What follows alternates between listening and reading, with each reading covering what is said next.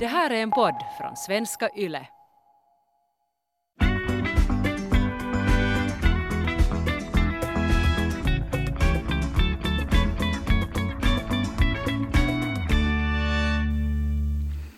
Rebecka, när jag skickade eh, lite så här som jag hade hittat som research inför det här dagens avsnitt så blev du lite så här eh, känslomässigt kränkt. Ja, jag reagerade nog, alltså jag vet inte. Jag hade inte alls tänkt, du skickade ju en länk till en sak jag skulle lyssna på och jag tänkte bara ja, jag lyssnar i bilen sen. Men alltså, ja, ja, jag reagerade jättekänslomässigt så vi får se hur det här avsnittet blir. Vi får se. Välkomna till veckans avsnitt av Föräldrasnack. Okej, alltså i dagens avsnitt, det ska handla om åldersskillnader mellan syskon. Mm. Och det var alltså det du blev lite så här... Um, ja. Ja, alltså, alltså jag, reager, jag vet inte ens vad jag började reagera på, men kanske det här... Det var kanske mest kring det här vad som har gjorts för forskning på ämnet och vad som visar att det är den perfekta åldersskillnaden och varför det är så och varför föräldrarna varför det är större risk att skilja sig i si och så och sådär. Så på något sätt så kände jag mig sådär jätteutpekad. Jag vet inte varför, men kanske för att jag vet inte. Okej, men kan det du, kändes känsligt. kan du berätta hur, hurdan åldersskillnad ni har nu då mellan barnen? Eh, mellan första och andra så har vi ett år och tio månader. Eh, och mellan andra och tredje så har vi exakt tre år. Mm. Så det var det här ett år och tio månader då som du... Det var det som, lite, som var lite sådär känsligt. Du ska inte komma hit och säga vad vi ska Ja, ha för Du ska åldersskillnad. inte säga någonting. vad, har ni, vad har ni för åldersskillnader hemma? Ehm, alltså jag blev gravid då Lo var ett år och fem månader, så vi har två år och två månader mellan första och andra. Och sen Mm. har vi tre och ett halvt år mellan Gry Så ni har så här perfekt Nej, inte vet jag enligt väl. forskningen. Nej, det där två år och två månader, det var ju nog för lite enligt forskningen. Ja. Mm. Men det här är alltså det som vi ska prata om idag. Ja, och eh, på Instagram så har vi ju frågat er eh, en massa frågor kring det här. Ni som följer oss vet ju att vi har bombarderat er än en gång. Mm. Mm. Ehm, det här, ja, vi frågar ju liksom att vad tycker ni att är den optimala åldersskillnaden mellan barn? Och eh, det som jag tyckte var lite roligt var att många svarar exakt den samma liksom, åldern som de har mellan sina barn. Liksom att ett år, åtta månader, det är det perfekta. Mm. det tyckte jag var lite kul. Men i just det här, vad heter det, när de har kollat med finländare vad man tycker att är så här, som just kom upp i den där som vi lyssnar på också, så, så där var det ju att, att finländare tycker att två år Mm. är liksom den här, de flesta tycker att det är en passlig, passlig ålder. Jo, och, Så det tycker jag var ganska intressant. jo, och de allra flesta av er också lyssnare svarar ju också två till tre som Mm. den optimala åldersskillnaden. Mm. Eh, lyssnaren S skrev till exempel så här. Nu har vi 11 månader mellan och ingen erfarenhet av något annat, men det här tycker jag är helt perfekt. 11 månader mellan. Mm. Och det som är perfekt för någon behöver ju inte liksom vara perfekt för någon annan och det tycker jag att det är jätteviktigt att komma ihåg under dagens avsnitt. Mm. Och det var ju det som jag, jag skickade till dig ett röstmeddelande när jag blev lite känslomässig och var som så att jag behöver bara lite pepp nu att höra för jag, jag märker som, jag vet inte om det är mina alla amningshormoner och allt men man är, jag, är som en öpp, jag känner mig så väldigt öppen och lite sårbar för att när, om någon säger att det där, är, det där är inte så bra, det är för nära mellan dina barn eller någonting. Så egentligen så borde man ju bara vara så att jaha, det är en sån åsikt men att vi gör det som är bäst för oss och det här passar oss och så här. Men eh, på något sätt så bara går det, ibland går det rakt in i en. Mm. Nej men nu är det ju så. Och man kan inte, ja. Mm. Ja, men det var också många som svarade att just den åldersskillnaden de har inte är den optimala.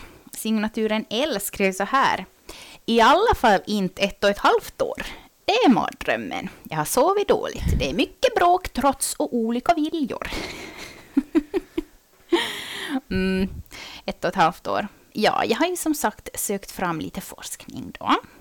Och det var ju det här då som var lite känsligt för dig. Så släpp ut alla dina känslor bara. ja. Nej men det här, enligt forskning då, så ökar riskerna för både fysiska skador och för stress i familjen om åldersskillnaden mellan syskon blir mindre än två år och tre månader. Och Befolkningsförbundet överväger nu att det vore bra att varna för riskerna med täta födslar i samband med mödrarådgivningen. Och det här är alltså någonting som Befolkningsförbundet sa 2018. Så det är inte Mm. helt nu i år. Eh, kortare födslointervaller kan påverka födelsevikten och öka risken för för tidiga förlossningar samt förlossningskomplikationer. Um, det är sånt som påverkar mammans och barnets hälsa direkt under babytiden, men som också kan ha långvariga inverkningar på utvecklingen som barn och vuxen. Och eh, från forskningens synpunkt så ligger den optimala födslointervallen mellan 2,5 och 3,5 år. Så hur känner vi kring det här? Vi båda har ju fått barn alltså när det äldsta barnet har varit under 2,5. Mm på ett sätt så känns det som här, det känns lite som ny information för mig, Mm. eh, en del av det här. Eller som att, eller jag börjar fundera mig själv, borde, är det här någonting som, man, som jag borde ha veta? Eller liksom just det här med typ eh, för mammans liksom hälsa under graviditeten om de är täta. Mm. Jag, har inte, jag tycker inte heller just som att eh, in, det är inte någonting jag har riktigt som tänkt på, Nej, utan mera som precis. känt i min egen kropp att nu nu känner jag mig redo att nu skulle jag vilja bli gravid på nytt, eller nu skulle min, ork, ork, min kropp orka att vara gravid på Mm. nytt. Ehm, så ja, Mm. lite som sådär att här tror jag ju också att det är så jätte, jätte olika. Och det är kanske där som det, det vad heter det, svårt också att, ja. Mm. Alltså det enda jag har fått höra om det där, det var efter mitt kejsarsnitt ehm, Ja. med första barnet. Då sa de så här att, att du borde inte bli gravid inom ett år. Eh, för att Mm. kroppen har inte hunnit återhämta sig då, i och med snittet då. Eh, så att eh, jag tänkte som att okej, men efter ett år så är det bara att tuta och köra liksom. Inte något annat än liksom kejsarsnittet som stoppar Mm. oss då under det där första året. Nu är det ju också så att folk får ju barn senare i livet idag. Och då kan jag Mm. nog tänka mig att då man sen väl får barn, så om man då är kanske, ska vi säga 35, så märker man liksom att oj shit, det här var ju typ det bästa. kan jag ju Mm. tänka mig, så kände ju i alla fall jag när jag blev mamma. Ehm, att, att jag vill ju nog ha fler barn än ett, eh, eller vi då. Eh, så att då så på något sätt kanske man får en jättesån här Nej, men vet du, en, en sån här att, att vi måste laga snabbt, liksom. vi måste försöka på nytt Mm. snabbt så att, vi hinner, så att vi hinner få ett till barn Mm. innan vi blir för gamla. Och sen, och sen tänk, min, jag har alltid varit jätteödmjuk till det här att alltså eftersom att jag själv inte fick syskon när jag var liten, att det är som inte en självklarhet Nej, ens. precis. För det första är det inte en självklarhet att bli gravid, och för det andra så är det inte en självklarhet att, det kan, att man kan få syskon. Mm. Så där är också, tänker jag, att det, det är jätte, kan vara jättetufft att höra sån här till exempel. Att så här borde man göra, det här är bra. Mm. Om man till exempel har kä- kämpat jättemycket med att bli gravid med första barnet. Mm. Sen kanske det inte, då är det inte läge att tänka att hmm, nu väntar vi flera år och sen kanske vi börjar testa, utan då kanske det är som alla är i så olika situationer, så därför, vad heter det nu igen, det är inte alltid bara att sitta i kalendern och planera att så här många år ska vi ha, det här året ska vi få det här. Nej, verkligen inte. Att, Nej, och det är också det samma, liksom, att man också ska vara försiktig med vad man säger åt sina vänner och Mm. bekanta. Liksom, att, eh, för jag tyckte att ganska snabbt efter att vi hade fått Lo så var det sådär att ska inte hon börja få ett syskon snart? Och att hon behöver ju nog Mm. som en, en lilla syster att leka med. Man bara som att jeez, hon fyllde just ett. Och eh, du vet inte liksom om jag har enkelt eller svårt att bli gravid och hur jag mår fysiskt och psykiskt. Liksom. Så att nej, det här är nog ändå upp till var och en. Men det här, hur tänkte ni då ni bestämde att ni ville försöka eh, få ett till barn efter Alma? för oss var det nog att vi visste att vad heter det, åtminstone två barn ville vi ha och jag har alltid velat ha dem relativt tätt. Bara, jag har ju inte någon erfarenhet ens av det, men det är en känsla som jag liksom har haft att jag skulle vilja ha två barn nära varandra. Mm. Eh, så vår tanke var mest att vad heter det, första året så fokuserar vi bara som på henne och eh, på som att återhämta kroppen och, och vi sov ju jättedåligt också sådär. Men sen när hon blev ett år och jag slutade amma så då, då hade vi som tänkt så här att om det då känns rätt så då, då får det som hända om det händer. Mm. Eh, och då, där, det är kanske där jag också har varit på något sätt så ödmjuk att jag har inte räknat som med att det ens... Det var, det var jättekänsligt för mig det här med, med andra barnet på något sätt, för jag var så rädd att, att, att vi inte skulle kunna få ett syskon och det var jätteobefogat för att jag har blivit lätt gravid. Men det fanns en sån här jättestor stor rädsla i mig. Så kanske därför också som vi kände då, alltså efter typ när hon var ett år, att nu får det som hända om det händer. Och då blev jag gravid direkt. Okej. Mm. Eh, så det var mer som sådär att det gick kanske snabbare än vad jag också ens hade kunnat tänka mig. Mm. Så ja, det var nog mest som att, att det, här, det var det vi ville just då i livet. Men hur var det för er?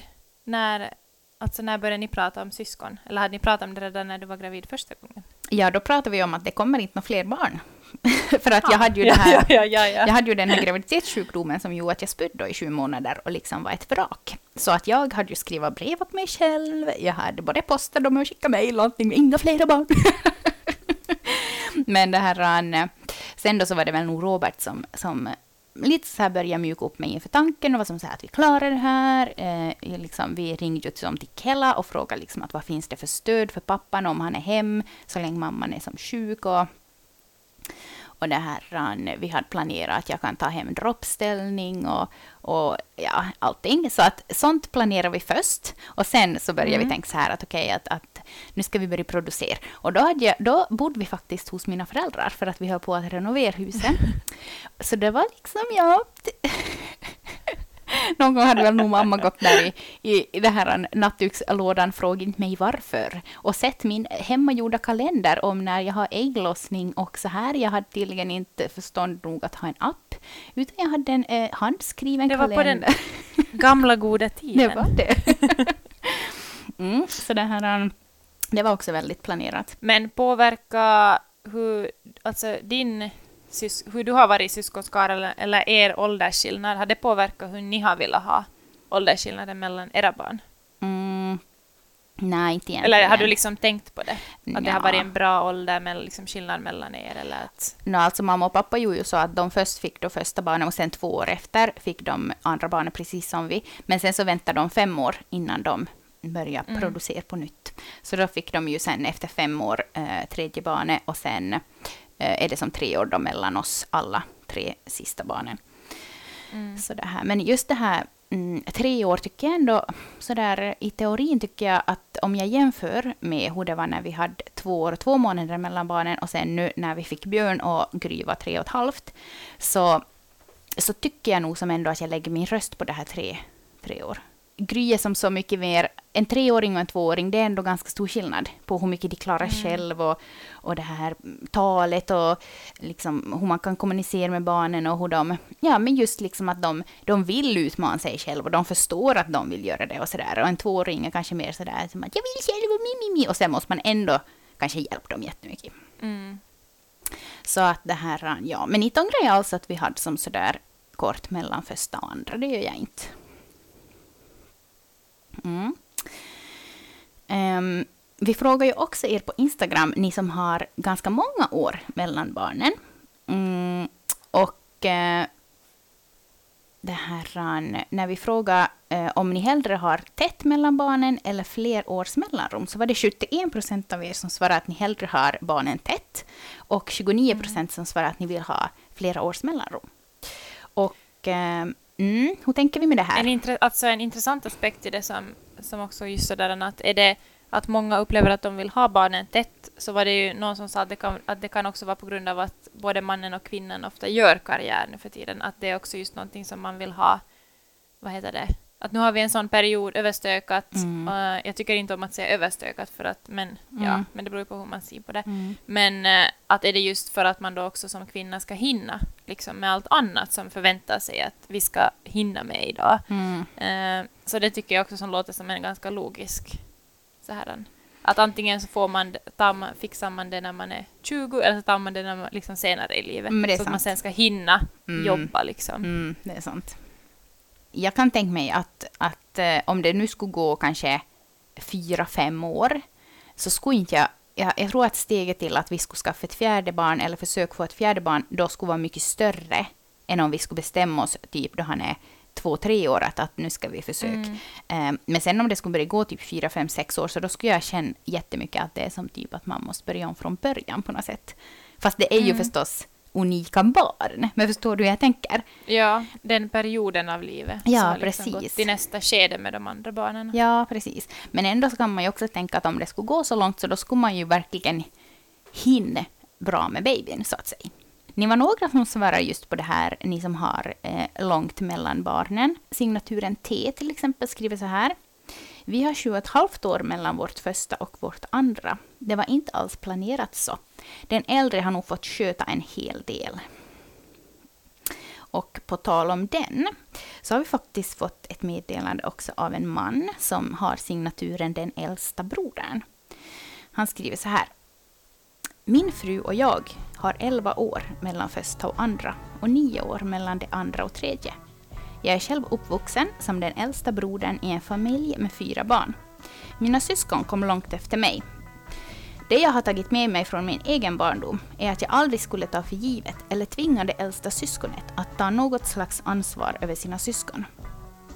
Även om det säkert är skönt att slippa ta ansvar som förälder en stund och säga ”men du är ju så stor”, så förstör det i värsta fall barnen på ett, ett eller annat sätt.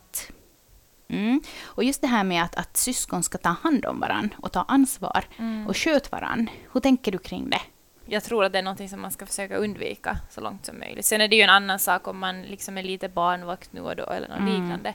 Men att barnen ska känna att de måste bära ansvar för sina yngre syskon, så det tror jag, det är inte bra. Och sen också ehm, kan jag tänka mig att det ja, Speciellt om det blir sådär att, att du måste sköta och så bara, men jag hade ju några andra Mm. planer ikväll. Bara, nej, att nu tar du ansvar här lite, nu kan du nog liksom hjälpa till. Man bara som att det är ni som har Ja. skaffat de här barnen. Det är inte era, ert barn som har liksom önskat de här syskonen. Nej, och plus att all där är också barn så jätteolika för att fast jag inte har vuxit upp med syskon, men till exempel när, om man är en så jätte så här, känslig människa som tar in Mm. saker vad andra säger och tänker och sådär, så kan det också bli en börda fast föräldern bara liksom säger det. Eh, för att jag har också kunnat känna det på andra ställen, typ i skolan eller på dagis och på sådana ställen, att, att eh, vuxna har märkt om man är en människa som är bra på att ta ansvar Mm. och ta hand om andra, Mm. så då får man alltid den rollen. Mm. Och det, det kan bli jättetyng, alltså jättetungt Mm, att gå och bära, Mm. bära på ansvar. mm. Jag minns inte riktigt hur det var när jag var liten, för det här... an- Det är så länge sedan. Men det här, an- jag minns i alla fall att mamma berättade att, att när min lilla syster skulle komma då till världen, så då så, eh, så var det nog som att, att min, min storebror och min stora syster då tog hand om mig och, och min eh, tre år äldre eh, syrra. Och att eh, de hade farit ut och gå med mig i vagnen och och eh, min äldre syrra som var sex år då, jag var tre, så gick där då och så skulle vi få och köpa fredagsgodis till en kiosk som var där nära vårt. Och så, det här, så kom mamma och pappa körandes förbi då och la ner fönstret och bara som att ja, att, att ta hand om dem nu, att vi kommer typ hem imorgon eller pappa kommer hem ikväll eller någonting. Och då skulle de som då till BB och, och få min lillsyrra. Um, så det där minns mamma då, att, att då tyckte hon att det var som som fint på något sätt att, att i den, i den situationen så kunde liksom Mm. syskonen ta hand om oss Mm. yngre. Men jag skulle inte minnas på så vis att, att eh, de någon gång har behövt ta något slags som ansvar över oss. Ehm, men det jag minns var ju att, att när jag var kanske tio, nej vänta nu, nej men kanske åtta till tio, så då så, ehm, min syrra hade ju då, ehm, alltså hon var ju då 18 och då får hon på någon sån här eh, utbytesgrejer och så får hon typ till Kos och var så här inkastare och hon levde värsta livet. Och hon var ju liksom alltid min största förebild och när hon kom hem så var jag alltid så här, vet åh Ninni! Och så här och hon liksom tog ut mig på såna här roliga eh, middagar och hon lagade mitt hår och hon var så här, alltså riktigt en sån här, alltså jag vet inte, men just den där åldersskillnaden med tio år, så det blev som att vi grälade ju aldrig. Jag hade alltid Nej. bara roligt med henne och hon var som, ja men som en jättestor förebild för mig. Och hon är det nog Mm. också än idag. Eh, Så Mm. att det där just, det är nog faktiskt någonting som jag minns som jättepositivt, att ha en så mycket äldre syrra. Mm. Men det här med så här stereotypiska alltså, roller, Mm. eh, beroende på vem man är i, i syskonskaran, eh, känner du igen eh, dig själv eller känner du igen hur dina egna barn är? Ser du de här, vad heter det, dragen? Jo, alltså, nå mig själv, jag är ju som mellanbarn, så jag vet inte riktigt. Ja. Jag, jag, jag känner väl att jag har varit ganska som så här fri eh, Mm. i skaran, så att säga. Jag har som lite flyttit på däremellan och ingen har någon gång riktigt varit arg på mig och, och inte har någon heller vet du, som så här hållit på till pjasa med mig på så vis som de gjorde med min lillsyrra och, och sådär. Så jag, jag vet inte, kanske det är lite så mellanbarns perspektiv Mm. det. Men det här, För att ja, säg bara. den här stereotypen för, för äldsta barnet så här kommer ju fram ju det här med naturlig ledare, att man är ambitiös och ansvarstagande. Mm. Eh, så det känner jag, eller jag känner igen det, vad heter det, hos vår äldsta Mm. väldigt bra. Mm. Att hon är som jag måste jätteofta tänka på, eftersom att hon är väldigt sån här ansvarstagande människa. Att jag måste själv tänka på att, att hon ska ju, eftersom att hon man ser att hon tycker om att få ta ansvar, men att det måste vara som på hennes egen nivå. Mm. Att man lätt blir som sådär att man att, det, att hon kan lätt få ta mer ansvar än vad hon kanske skulle behöva. Mm. Så därför måste jag alltid tänka på att okej, hon är fem år, men att ge som små saker så att hon känner, för hon har jättetypiskt den här Mm. när, man ser, när, när de leker tillsammans så ser man de här väldigt tydligt och det tycker jag är jätteintressant att det kan komma fram redan när de är alltså tre och fem år. Ja, så tydligt. verkligen. Vi har ju samlat in eh, berättelser från er eh, lyssnare om hur det var när ni var små. Och vi har samlat in i kategorierna de som var äldst, de som var mellanbarn och de som var yngst. Och eh, vi ska ta och läsa upp några här. Det är signaturen J. Jag är äldst. Tycker, eh, tycker det har påverkat mig negativt eftersom att jag behövde bli stor så snabbt. Hade även jättemycket ansvar över mina två yngre systrar. Mm. Eh, så Alltså det är det kanske där- just det som vi pratar om. Ja, alltså det tror jag är som så typiskt. Mm. Mm. Ehm, signaturen S. Jag är äldst och jag har fyra syskon. Det är tre år mellan mig och min äldsta syster. Sen har jag också ett syskon som är fyra år yngre, sen ett som är sju år yngre och ett syskon som är tio år yngre. Jag har nästan alltid känt mig lite utanför syskonskaran och mer som en del av mamma och pappas grupp. Mina andra syskon har alltid lekt mycket tillsammans, men jag har aldrig varit med på samma sätt. Det här började märkas väldigt bra nu när vi alla är äldre. Det pratas oftast om saker som hände under barndomen som jag inte ens har vetat om. Och även när vi ser på gamla filmer har jag märkt att mina syskon har gjort en massa saker helt utan mig. Jag vet inte om det här beror på åldersskillnaden eller personlighet, eller på det ni tidigare har pratat om, att äldsta barnet uppfostras som att man ska ta mer ansvar och vara den stora och mogna. Men jag tycker det här är väldigt tråkigt att känna att jag inte har samma nära relation till mina syskon som de nu verkar ha sinsemellan. Mm. Det där är ju jättetråkigt. Mm. Och det är ju någonting som jag, jag ibland kan vara sådär att hur ska man göra som för att de ska få en sån... Eh, att hur ska man göra för att ens barn ska få en nära relation till varandra Mm. som också ska fortsätta? Ja, men precis. Och liksom ha den här äh, gemenskapen. Mm. Och jag undrar också om det här, är, om det här kan vara så, ehm, till exempel i en familj där det är, säg, tre systrar och en bror. Att den här Mm. brodern lite så här hamnar utanför. Jag läste i alla fall att ehm, om man har fått barn tätt, eller om man just har till exempel tre döttrar och en son, eh, så då måste man aktivt jobba som förälder eh, Nej, vänta nu. Det var ju alltså om man har många år mellan barnen förstås. Alltså om Mm. man har stor åldersskillnad mellan sina barn, eller just det där att det är typ tre flickor och en pojk. Att man som förälder aktivt liksom måste jobba för att de ska få en bra relation. Och det där Mm. tror jag ju egentligen inte heller bara är i de fallen, utan jag tror ju att det är så ehm, Mm. liksom, i, va, i varenda familj, att, att föräldrarna måste liksom också göra, dra sitt strå för att, för att liksom barnen ska få en, en trygg och fin relation till varandra. Och eh, en viktig sak där tror jag ju är det här med att man inte ska jämföra barnen med varann, för då blir de Mm. ju som rivaler. Ja. Ja. Mm. Mm. En lyssnare skriver så här. Jag är den äldsta och jag har haft absolut strängaste regler av oss alla. Vi är fyra syskon. Och det där kan jag ju verkligen...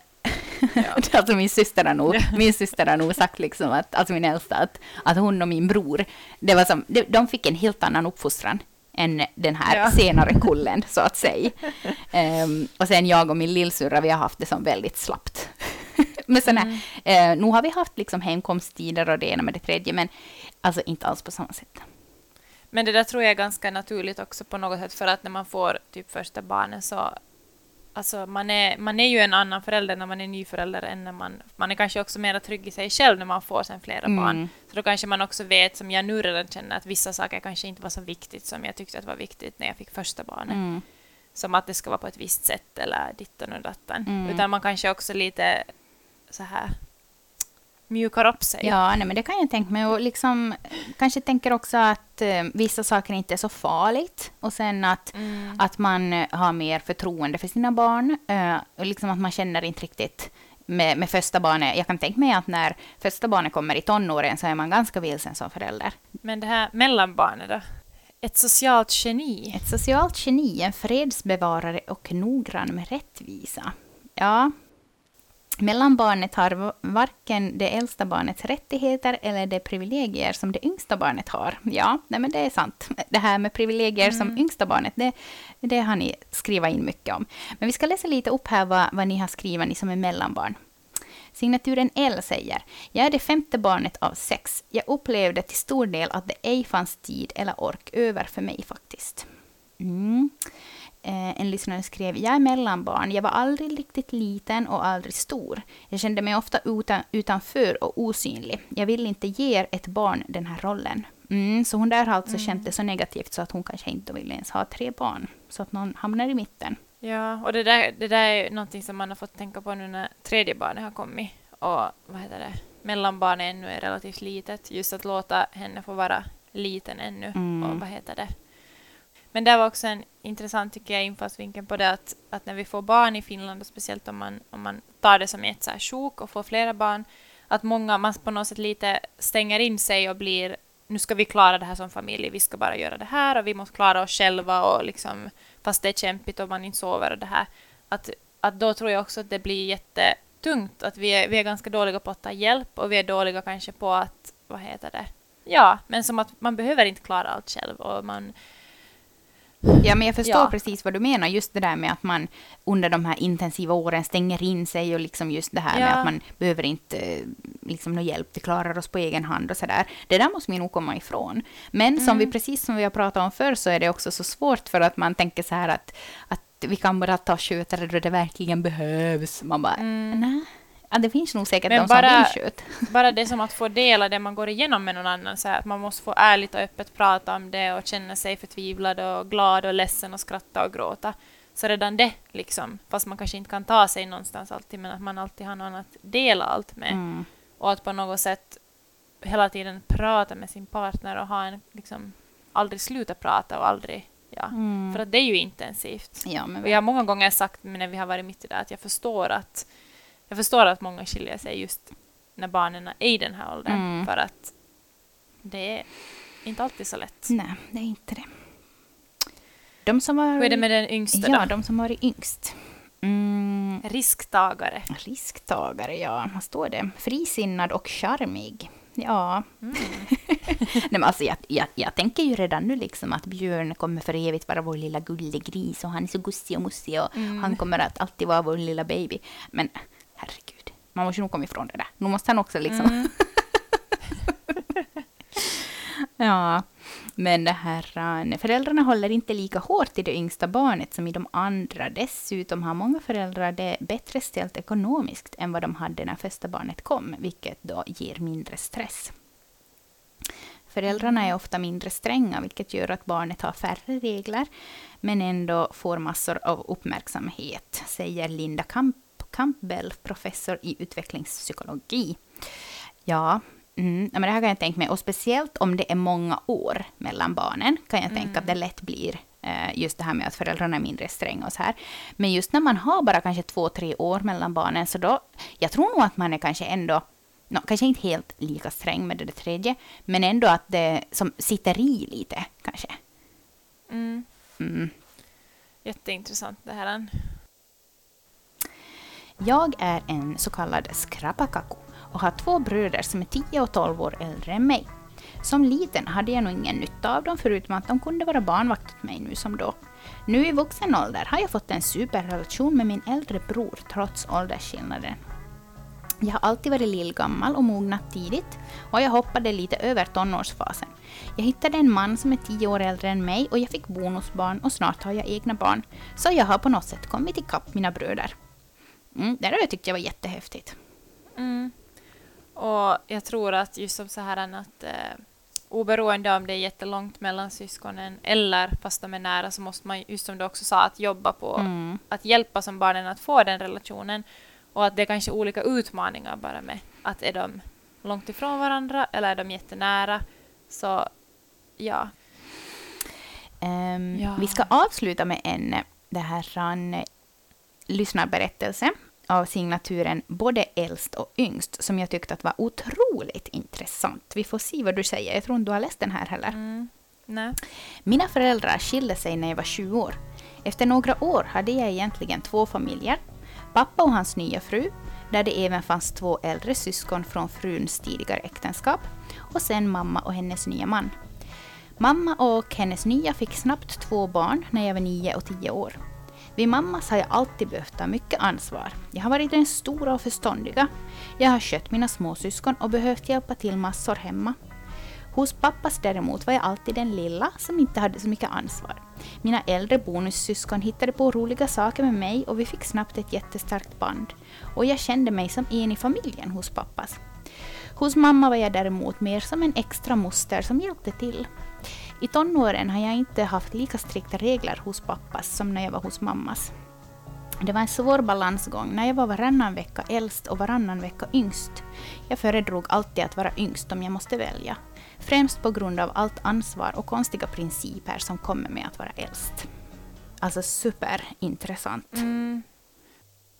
Nästa vecka så ska vi prata om onödigaste grejerna man kan skaffa inför. Barns enkelt ett- ankomst. Ett sånt här avsnitt som du kan lyssna på om du väntar barn eller om du, har, om du redan är färdig med det så kan du lyssna och känna igen dig. Eller sen om du har en kompis som är gravid som var så här att lyssna på det där, då vet du vad du, vad du ska köpa.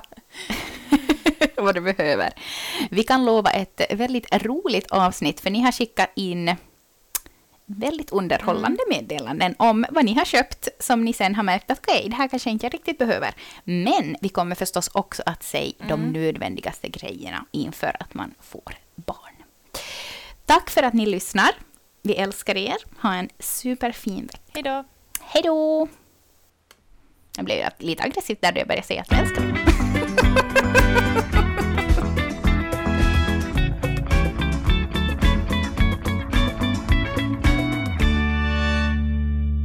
Det här är en podd från svenska YLE.